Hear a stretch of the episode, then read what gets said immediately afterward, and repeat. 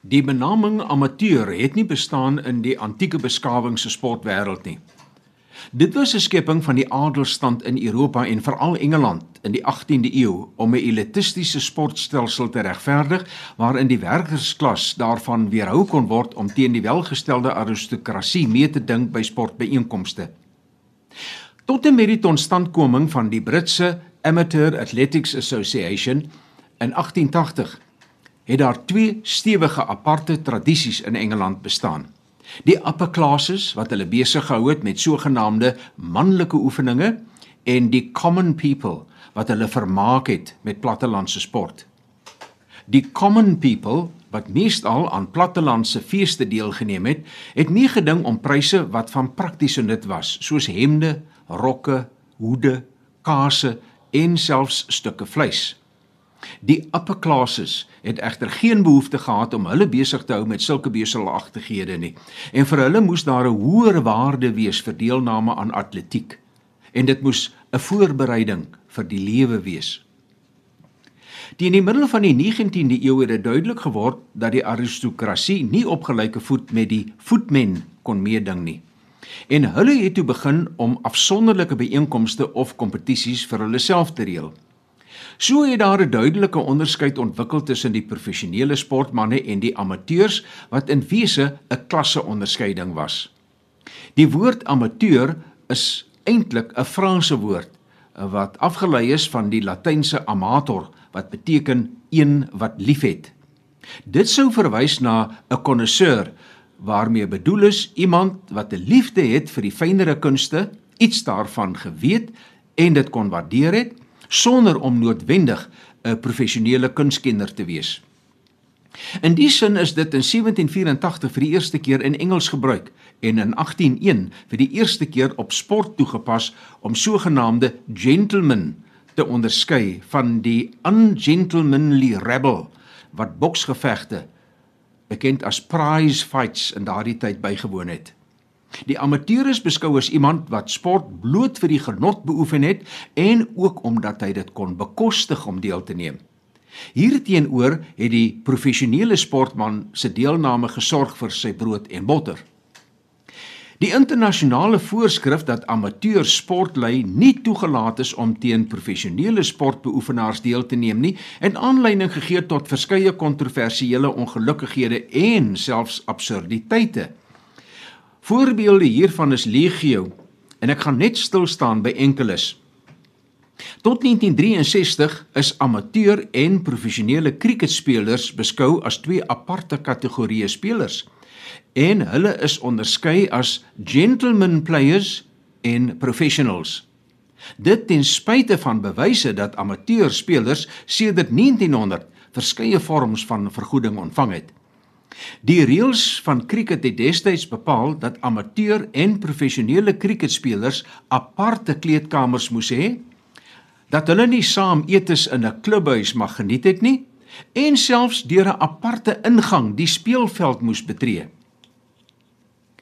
Die wenner van die 10 kamp by die Olimpiese spele van 1912, James Thorpe van die FSA moes sy goue medalje 'n aantal jare na die spele teruggee aan die IOK toe ontdek is dat hy voor die spele geld ontvang het vir deelname aan 'n bofbalwedstryd wat op daardie tydstip nie eens 'n Olimpiese sportkode was nie.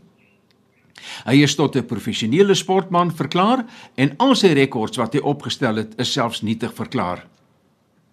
In 1920 weer is die roeier John Kelly senior verbied om aan die Henley Rooi Regatta deel te neem omdat hy 'n messelaar van beroep was en gevolglik nie gekwalifiseer het as 'n gentleman nie. Om sake nog moeiliker te maak, is die definisie van amateurskap verskillend geïnterpreteer en toegepas deur die beheerliggame van verskillende sportkodes, terwyl verskeie lande verskillende standpunte hieroor gehullig het. Die voormalige president van die IOK, Avery Brandage, was byvoorbeeld 'n fanatiese voorstander van 'n besonder eng standpunt oor amateurisme. Hiervolgens kon 'n amateur 'n trofee wen, maar hy is nie toegelaat om dit te verkoop of te verpand nie. 'n Amateur is toegelaat om vergoed te word vir bewese uitgawes wat spesifiek verband gehou het met hy of sy deelname aan sport, maar kon nie prysgeld ontvang nie. 'n Amateur sportman of vrou is ook nie toegelaat om geld te verdien deur verslag te doen oor sy of haar sport nie, selfs al was die betrokke atleet 'n praktiserende joernalis of uitsaaier. In atletiek en tennis is amateurs selfs verbied om saam met professionele spelers te oefen. Daarteenoor is 'n menigte basketbalspanne in die FSA saamgestel uit spanne wat deur maatskappye geborg is en waarvan die spelers teen buitensporige salarisse op die betaalstate van daardie maatskappye ingesluit is.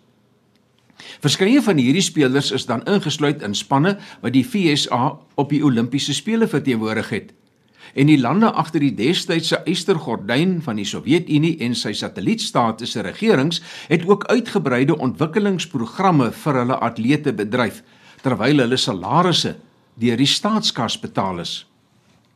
Verder is amateur voetbalspelers in die FSA altyd toegelaat om teen professionele spelers te kompeteer sonder om hulle amateurstatus te verloor. In golf is amateurs ook toegelaat om in dieselfde toernooie teen professionele spelers mee te ding, met die verskil dat hulle nie prysgeld vir hulle deelname ontvang het nie. Daar was ook duidelike voorskrifte wat die aard was van pryse wat aan amateurs toegeken kon word. Een van die beslissende gebeurtenisse wat uiteindelik gelei het tot 'n nuwe benadering met betrekking tot die toepassing van die amateurreëls het by die Winter Olimpiese spele van 1972 plaasgevind. Die briljante wêreldkampioen skier van Oostenryk, Karel Schranz, het in 1964 'n Olimpiese silwermedalje in die reuse slalom gewen, maar hy was 'n uitgesproke kritikus van die IOC se president Avery Brandage.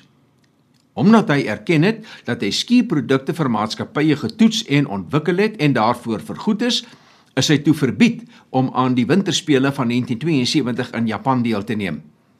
Ironies genoeg is Bernard Rossi van Switserland wat die afdraande ski die downhill by die 1972 spele gewen het, wel toegelaat om deel te neem. Ten spyte daarvan dat 'n versekeringsmaatskappy sy gesig teen vergoeding in media reklame advertensies gebruik het. Die keerpunt het egter gekom toe John Kelly Jr in 1971 tot president van die Amerikaanse Atletiek Unie verkies is. Hy het hom sterk uitgespreek teen wat algemeen bekend gestaan het as shamateurism en die onderduimse skynheiligheid in sport. Hy het daarop aangedring dat al die reëls en regulasies oor amateurisme dadelik verslap word sodat byvoorbeeld 'n professionele Amerikaanse voetbalspeler soos Bob Hayes teen amateuratlete kon hardloop.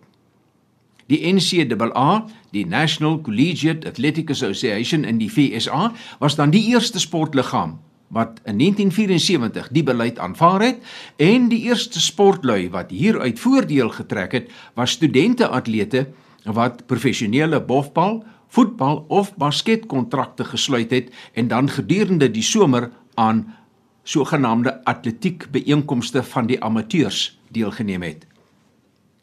Dit sou mettertyd daartoe lei dat die eng skeiding tussen die professionele en amateur atleet sedert die 80er jare van die 20ste eeu vervaag het en uiteindelik die dood van amateurisme in sport tot gevolg gehad het. Johan Rousseau vir RSG Sport.